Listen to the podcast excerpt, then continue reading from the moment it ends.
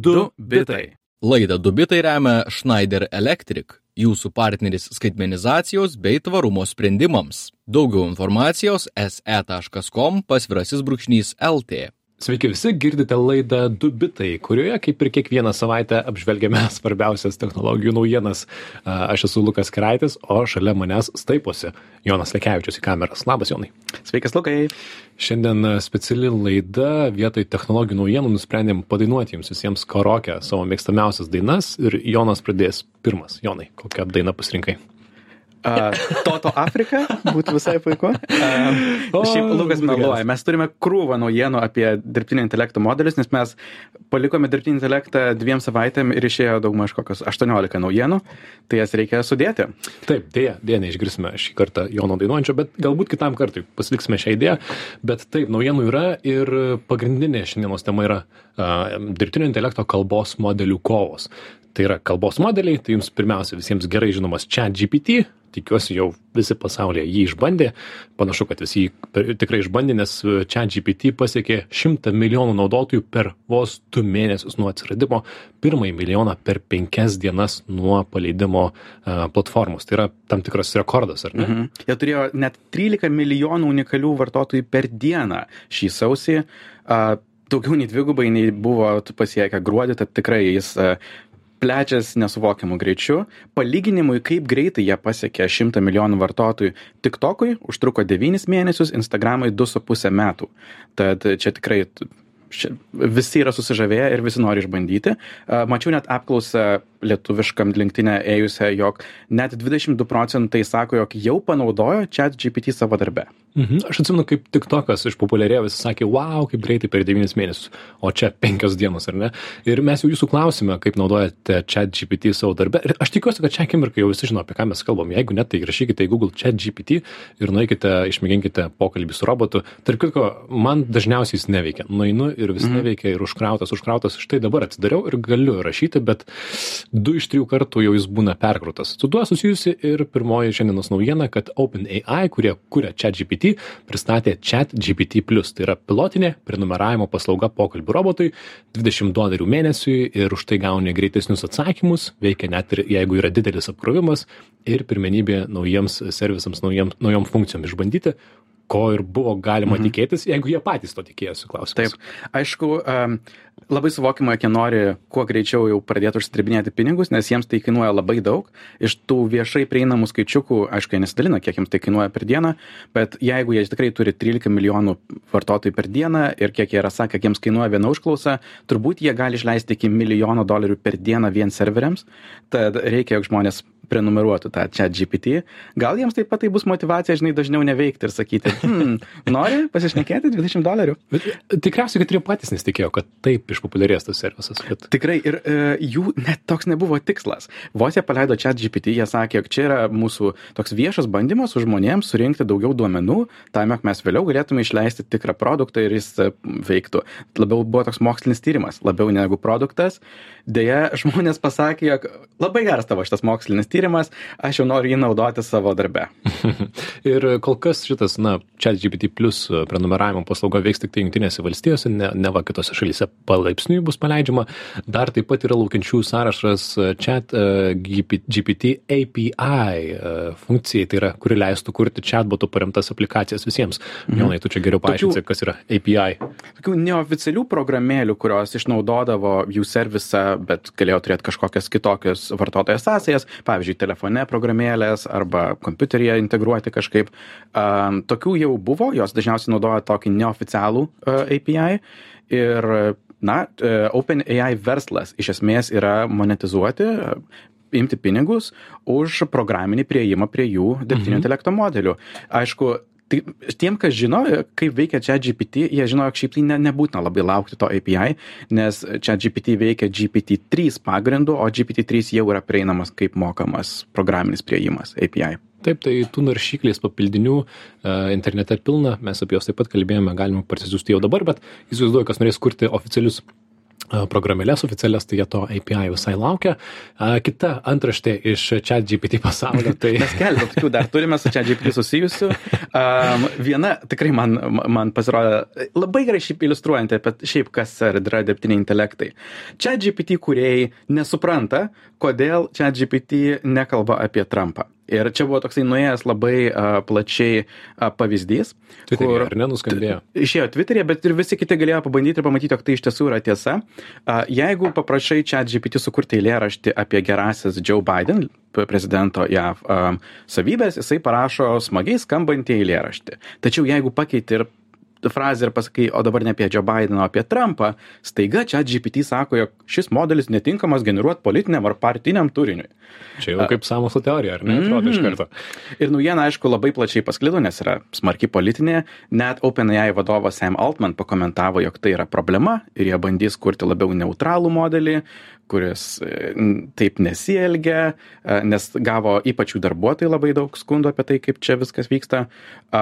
Bet aš manau, tai labai gerai atskleidžia tokią dirbtinio intelekto specifiką. Tai yra tos vadinamos tokios juodos dėžės, neuroniniai tinklai ir yra labai sunku atsekti, kodėl jis daro tam tikrus sprendimus. Um, yra spekulacijų, jog, yra, jog jis būtent todėl priima tokį sprendimą, jog Trumpo tekstai yra labiau siejami su neigiamas emocijas ar e, pyktį keliančiais kitais tekstais šalimais, tai galbūt todėl jis nori vengti, bet čia yra tik spekulacija, dirbtinis intelektas. Mhm. Čia galbūt idėja kuriai nors dienai temai, ar ne, kodėl neuroniniai tinklai vadinami yra black box, man atrodo, daug kas vis dar nesupranta, kodėl taip sunku suprasti, ką galvoja neuroniniai tinklai, kodėl jie priema vienus ar kitokius sprendimus. Mhm. Bet čia GPT kuriai sako, kad užtruks mums šiek tiek patikslinti, kas čia per problema ir kodėl taip nutiko. Dar viena mane nustebinus ir internetą apskrėjusi naujiena su ChatGPT e, buvo tokia, kad teisėjas vardu Juan Manuel Padilla iš Kolumbijos miesto Katarchenos praėjusią savaitę priėmė teismo sprendimą pasitaręs su ChatGPT pokalbio robotu. Apie tai rašo The Guardian. Tai yra toks na, pirmas viešai žinomas pokalbio roboto panaudojimas, galbūt neviešai jau teisėjai tai naudoja ir anksčiau, kas čia žino. E, teisėjai buvo paskirta byla apie tai, ar autizmu sergančio berniuko terapijos išlaidas turėtų apmokėti jo tėvai, ar visgi sveikatos draudimas. To teisėjas ir paklausė čia GPT, į ką šis atsakė. Taip teisingai, pasak Kolumbijos įstatymus, e, autizmų sergantys mažamečiai yra atleisti nuo prievalės mokėti už jų gydymą. Ir nors dėl, nors dėl pačio nuosprendžio, kuris įtraukė be abejo ir daugiau pagrindimų, tai nebuvo, kad e, teisėjas sako, nutariu taip, nes man tai pasakė čia GPT. E, dėl pačio nutarimo nesiginčiama, tačiau, tačiau teisėjo kolegos, teisėjai na, kritikavo jį dėl mhm. dirbtinio intelekto panaudojimo teisės praktikavime. Nors pats teisėjas jisai gynėsi gana viešai Kolumbijoje, kad tokios programos galėtų būti naudojamos, kuriant teismuose naudojamus tekstus, e, kurios šią akimirką kuria jo sekretorė. Jisai pats sako, kad čia GPT tai daro geriau, greičiau ir geriau. Na, tai jis yra už sveiką dirbtinio intelekto panaudojimą. Ir dar įdomi detalė šitoje istorijoje, kad e, The Guardian žurnalistai, kurie e, rašė apie šitą istoriją, kaip ir žurnalistai daro, išklausydami visas pusės, paklausė čia GPT apie jo rolę teismų sistemoje. Į ką jis atsakė. Teisėjai neturėtų naudoti manęs, spręsdami bylų, nesu žmogiškojo žinojimo ir ekspertizės pakaitalas. Mhm. Tad uh, tikrai, kai pasirodė čia GPT prieš porą mėnesių, kažin ar tikėjomės, kad jis bus panaudotas teismo sprendimų prieimime. Taip. Ir aš nežinau kaip jausčiausi jeigu kažkokioje byloje susijusiuose su manyje su manimi būtų konsultuojamasi su pokalbio robotu. na matai kaip mes duodam tą kontekstą net pavyzdžiui mokyklos kontekste jog galima galvoti apie chat gpt naudojimą bet yra labai svarbu nuolat tikrinti nes jisai gali išhaliucinuoti neteisingus atsakymus ir kaip statistinis modelis jis gali pateikt net skirtingus atsakymus į tą patį klausimą. Tad jeigu pilnai pasikliausi jo atsakymais kaip šimtų procentų faktu, labai nesunkiai gali užlipti ant grėblio. Taip, bet jeigu jis pasako, kad Kolumbijoje tai įstatymai leidžia kažkaip. aš įsivaizduoju tą teisėją. Gal jisai įsivaizdavo net neišleisti įstatymą. Tai va būtent, reikia viską tikrinti iš, iš paskos. Žodžiu, visai buvo įdomi naujiena, bet užteks apie chat GPT, kaip ir sakėme, šiandienos tema yra dirbtinio intelekto kalbos modelių kovos. Tai reiškia, kad ChatGPT yra metamos pirštinės į ringą ir meta tai uh, Bingas, uh, tai yra pats Microsoft išplečia savo panaudojimo ChatGPT bei Google į tai įsitraukia. Tad dar kartelį, ChatGPT sukūrė OpenAI, o juos yra stipriai investavę įmonė Microsoft. Ir šią savaitę Microsoft pristatė dvi naujienas. Jie atnaujino savo naršyklę Edge ir taip pat su dirbtiniu intelektu paturbino paiešką Bing, ką mes prieš kelias savaitės ir numatėm. Mhm. Um, renginyje Microsoft vadovas Satya Nadella paminėjo, jog per dieną internete įvyksta apie 10 milijardų paieškų, bet pusė jų yra neatsakoma. Man gana keistas teiginys, uh, aš manau, labai keista, jog tiek daug jų, jų yra neatsakoma. Aš turiu omenyje, kad paspaudžiu Enter ir perrašau iš naujo tikriausiai, ar ne, nes man nepatiko atsakymas. Ok, okay sutikime. Tačiau sujungus tą su kaip jis pavadino kopilotais arba kažkokiais dirbtiniais intelektais kurie gali sintezuoti visą informaciją iš interneto galbūt gautumėm geresnį konkretesnį atsakymą ypač labai abstraktiems klausimams. Ir jų pavyzdžiai yra tokie planavimo arba um, atsakymai į klausimus, kuriems nėra vieno šaltinio, bet reikia sujungti keletą galimų mhm. šaltinių. Galim, pavyzdžiui. Galim duoti porą pavyzdžių, ar ne? Tai mhm. pateikė savo demo versijoje. Na, pavyzdžiui, prašytume uh, naršyklės uh, paieškos uh, Bing, paprašytume, kad šį rudenį artėja mūsų metinės, padėk suplanuoti kažkur kelionę į Europą, išvykstame iš Londono, turime tris dienas. Mhm. Ir naršyklė turėtų pasiūlyti, tai yra paieškos sistema turėtų pasiūlyti atsakymą. Ne Taip. nuorodą, bet patį atsakymą. Ir tikrai inovacija labai įdomus, uh, iki šiol man nematytas dalykas yra tai, jog į Bing integruotas chat GPT modelis iš tiesų cituoja šaltinius jie atrodo kaip išnašos knygose su tais skaičiukais viens du trys kur apačioje gali rasti nuorodas pabraukia tam tikrus sakinius kuriuos gali pagrįsti šaltiniais ir vėliau gali eiti į tuos šaltinius pasigilinti kodėl pasakė galbūt daugiau informacijos surasti apie tai. Tad tai yra labai įdomu nes iki šiol chat gpt informaciją turėjai priimti kaip faktą be jokio pagrindimo o dabar galbūt turėsi nuorodų. Ir jų tuose pavyzdžiuose pavyzdžiui vat planavimo kažkokios atostogos kartais būna ten vienuolika ar dvylika šaltinių. Tad gali visai eiti ir toliau skaityti. Kas yra šiaip puiku, ar ne, kaip smagu matyti šaltinius, net jeigu čia GPT pateiktų savo šaltinius, kaip būtų įdomu stebėti. Mhm. Tad, na, iš esmės, e, Microsoft sako, kad mes bandome apjungti naršyklę ir pokalbio robotą į vieną, nors demo versijoje, jeigu gerai pamenu, kairėje pusėje buvo įprastinė mhm. uh, paieška, ar ne, o dešinėje atsakymai su, su ChatGPT pagalba. Tai šią akimirką, tai sako, galima išbandyti visiems, aš bandžiau, man neleido išbandyti. Tau leido? Ten yra tik tai statiniai keli pavyzdžiai, negali tai bet ko suvesti, yra tokias grinai demonstracija, bet galima užsirašyti į laukiančiųjų sąrašą, aš užsirašiau. Aš irgi užsirašiau. Pirmą kartą esu laukiančiųjų sąraše paieškos sistemoje. Neįtikėtina, bet įdomus laikai. Taip, įdomus laikai, nes čia kalba yra tikrai nežinau, prieš metus buvo neįsivaizduotina, kad mes kalbame, ar yra šansų, kad kažkas meta rimtą iššūkį Google paieškos sistemoje, kuri tokia monopolija mūsų sąmonėje jau, jau labai labai ilgą laiką. Ir dar beje atnaujintas Edge, Edge naršyklė, ant kurios kartais netyčia paspaudžiu. Ei, aš, aš net visai žmonėms rekomenduoju, jie turi vertikalius tabus, kas yra jėga. Mm, ką tai reiškia vertikalus tabai? Uh, žinai, kaip šiaip tabai eina naršyklės viršumi ir mm, -hmm. kartais sunku atpažinti, kuri ten ikonėlė yra kuri. Su vertikaliais tabais eina šonu ir tu, tu turi žymiai daugiau pločių tiesiog perskaityti ir paspausti ant tinkamos nuorodos. Mm, geras. Aš šiaip turiu irgi komplimentą, man labai patinka jų žemėlapiai. Jie kažkaip graži animacija, netgi dabar įsijungiau, rodo nuo Vilniaus iki Kauno, rodo kiek kamščių, kažkaip vizualiai visai gražiai pateikta, taip kad būkim biedni, bet teisingi, nenurašom edžo, nors įdomu, ar kas nors jo dar naudojasi šią akimirką. Klausimas. E, gerai, žinių radio klausytėm priminame, kad girdite laiką, laiką laidą Dubitai, aptarėme svarbiausias savaitės technologijų naujienas, dabar kalbamės apie dirbtinio intelekto kalbos modelius, čia GPT ir šalia atsiranda ir naujų. Tad taip pat, ko, ko reikėjo tikėtis, Google stoja į šią kovą, ne, nebus jau. Stoja į ringą. Jau pernai metų gale buvo gandai, nepamenu, ar mes minėjome, jog Google yra tikrai sunerime, pamatę, koks populiarus, kaip išsprogo čia GPT žmonių noras naudoti čia GPT. Nors jie apsimetė, kad yra labai ramus, tarp kitko. Taip, žinoma, bet, bet viduje skambėjo frazė Code Red. Ar tai? Tikrai taip. Kodas raudonas. Uh, ir jie nenorėjo uh, skubėti su savo pačio AI projektų paleidimu, nes jaudinos dėl reputacijos, dėl to saugumo, dėl mūsų jau minėto faktų, jog šitie kalbiniai modeliai kartais išsihaliucinuoja faktus, kurių nėra, kartais net visas knygas gali cituoti, kurios nėra parašytos. Uh, todėl Google kiek išlėto leido, bet akivaizdu, jog turėjo labai greit pakeisti savo nuomonę, jog laikas paskubėti ir net į aktyvesnes roles sugrįžo prieš kelis metus išėję įmonės įkūrėjai Larry Page ir Sergey Brin spręsti šitą kodas raudoną problemą. Įdomus taip pat faktas yra, jog Google dirbtinio intelekto istorija ir pasiekimai šiaip yra įspūdingesni už to OpenAI, tačiau jie yra labai lietai produktizuojantis savo kūrinius. Pavyzdžiui, chat GPT ta T yra transformeriai, o, toks ta, dirbtinio intelekto modelis, transformeriai, kuriuos sukūrė Google, bet kažkodėl, aišku, a, juos išleidus OpenAI pagrinde visi žino ChatGPT.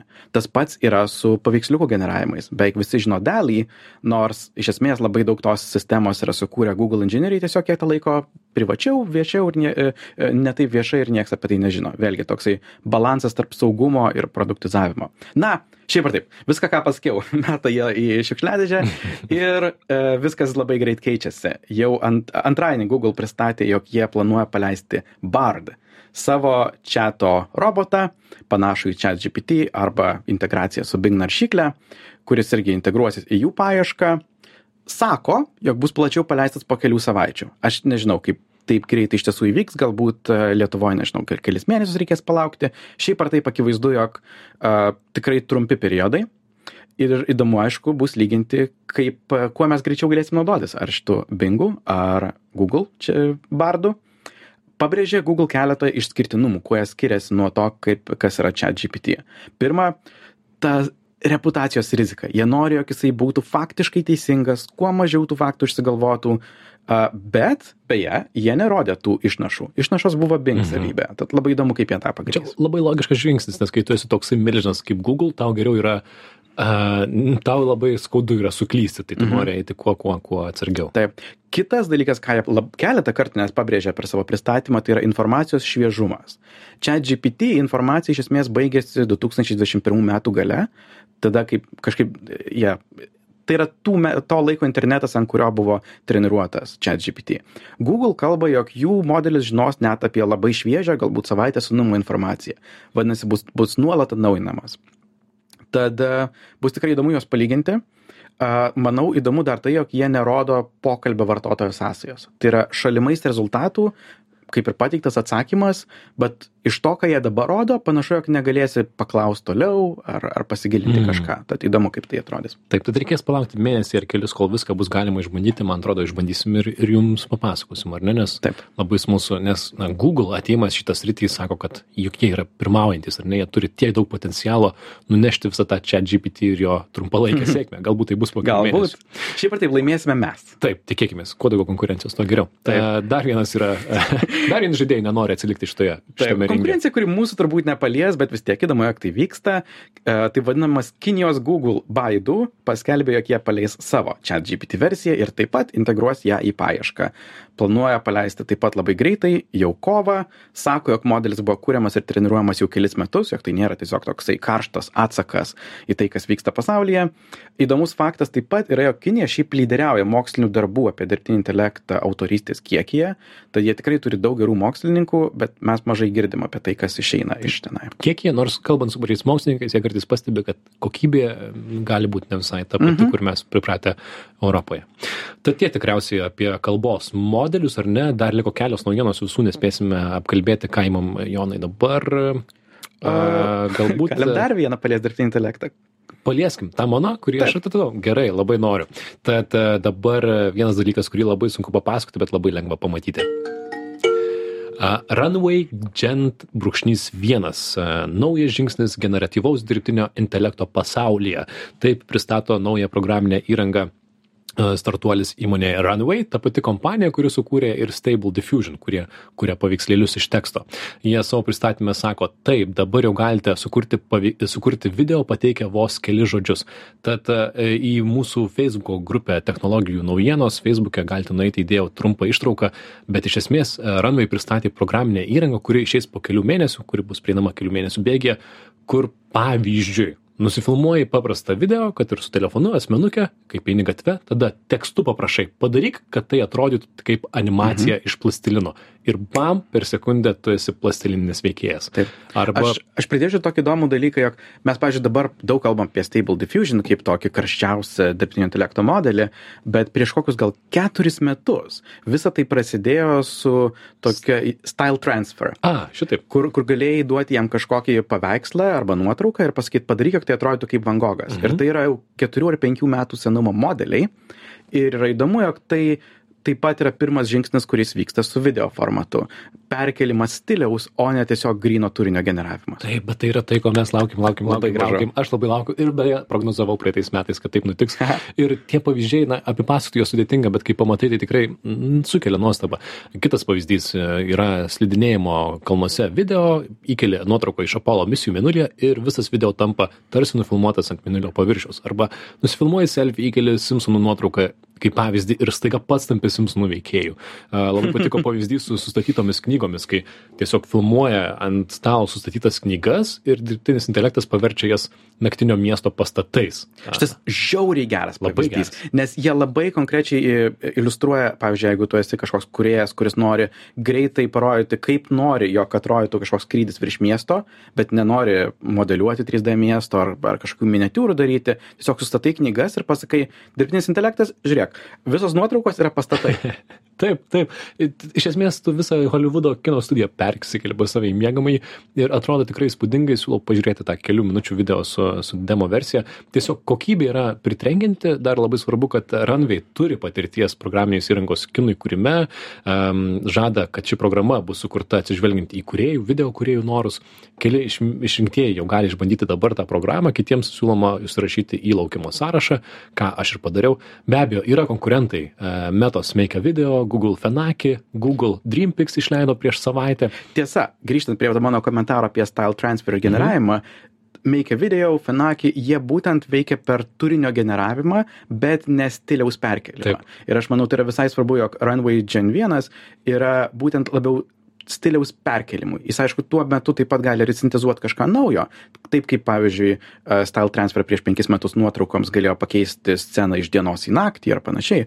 Um, Bet tai nėra turinio generavimas nuo nulio. Vien iš Mhm. teksto sugeneruoti vaizdą, kas šiaip yra labai gerai. Taip, taip, taip, taip atrodo panašu. Na, bent jau animacija su tuo bus kurti gerokai paprasčiau, nes tiesiog nufilmuosi kažką ir pasakysi, padaryk, kad tai būtų kartono ištrauka, iškarpos ir viskas.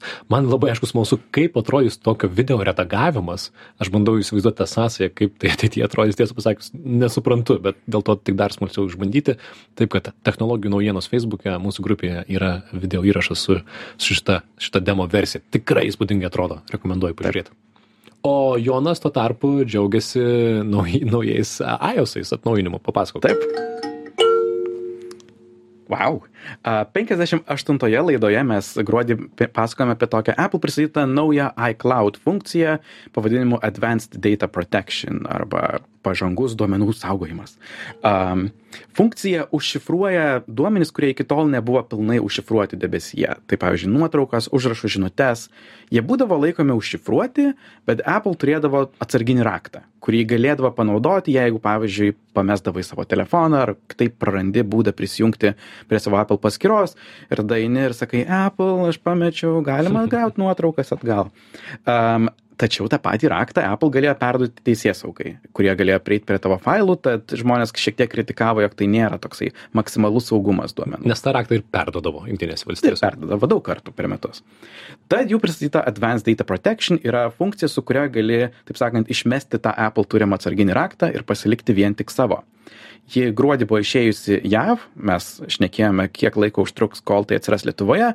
Atsakymas praeitą savaitę buvo. Yeah. Tai su iOS 16.3 jau galite visi prasisiųsti, galima tą ir įsijungti. Šiaip procedūra visai skausminga. Aš užtrukau gal pusantros valandos, kol viską Auč. pasidariau, nes pirmiausia turi atnaujinti visus savo Apple prietaisus. Laikrodį, telefoną, iPadą, MacBooką. Jie neleidžia tau tęsti, kol bent vienas nėra atnaujintas. Au. Tada turi susikurti savo atstatymo kontaktus, recovery contacts, kuriuos gali pats pasirinkti, kažkokie patikimi draugai, kurie būtų tavo atsarginiai raktai, bet šiuo atveju tai jau nebe Apple. E, Ir tik tu žinai, kas yra tavo kontaktai. Ir paskutinis dalykas yra toksai 28 simbolių kodas, kurį turi užsirašyti, du kartus suvesti. Ir žiūrėjau, bendrai procedūra skausminga, bet aš pasidariau ir dabar mano visi duomenys yra super užšifruoti. Jeigu jums netrodė šita procedūra žiauriai skausminga, tai galite pasibandyti. Mhm. Čia visiems tiems, kas nori tikrai privatumo, saugumo ir tokio, na, advanced lygį, ar ne? Kad Taip. jau aukščiau už tai tikriausiai nelabai yra. Puiku, nežinau, iš to ką papasakai, nežinau, ar užsimsiu. tau, tik, tau tikriausiai, tau kažkaip tik pusantros valandos užėmė, aš galvoju, tau dar turėtų ilgiau visus 105 e, prietaisus, prietaisus atnaujinti. Bet gerai, čia galbūt galbūt šiandien ir sustokime. Mm, tai buvo laida Dubitai, daugiau papasakoti nespėjame. Kaip visuomet, nuorodas į epizode minėtų šaltinius rasite mūsų svetainėje dubitai.com. Mūsų galima klausytis kaip tinklalaidę visur, kur jums patogu, Spotify ir kitas tinklalaidžių programėlės naudojant. žiniųradijas.lt yra visi laidų įrašai, o čia buvome mes, Lukas Keraitis ir Jonas Lekevičius. Sustiksime kitą savaitę su kitomis naujienomis. Tada jau bus karaokė. Tada jau galime ir padaryti karaokę. Jeigu Toto Afriką padainuos Jonas, tai manau tikrai verta. Gerai, sakom iki kitos savaitės. Iki. Iki. Du bitai. Laidą Dubitai remia Schneider Electric, jūsų partneris skaitmenizacijos bei tvarumo sprendimams. Daugiau informacijos se.com pasvirasis brūkšnys LT.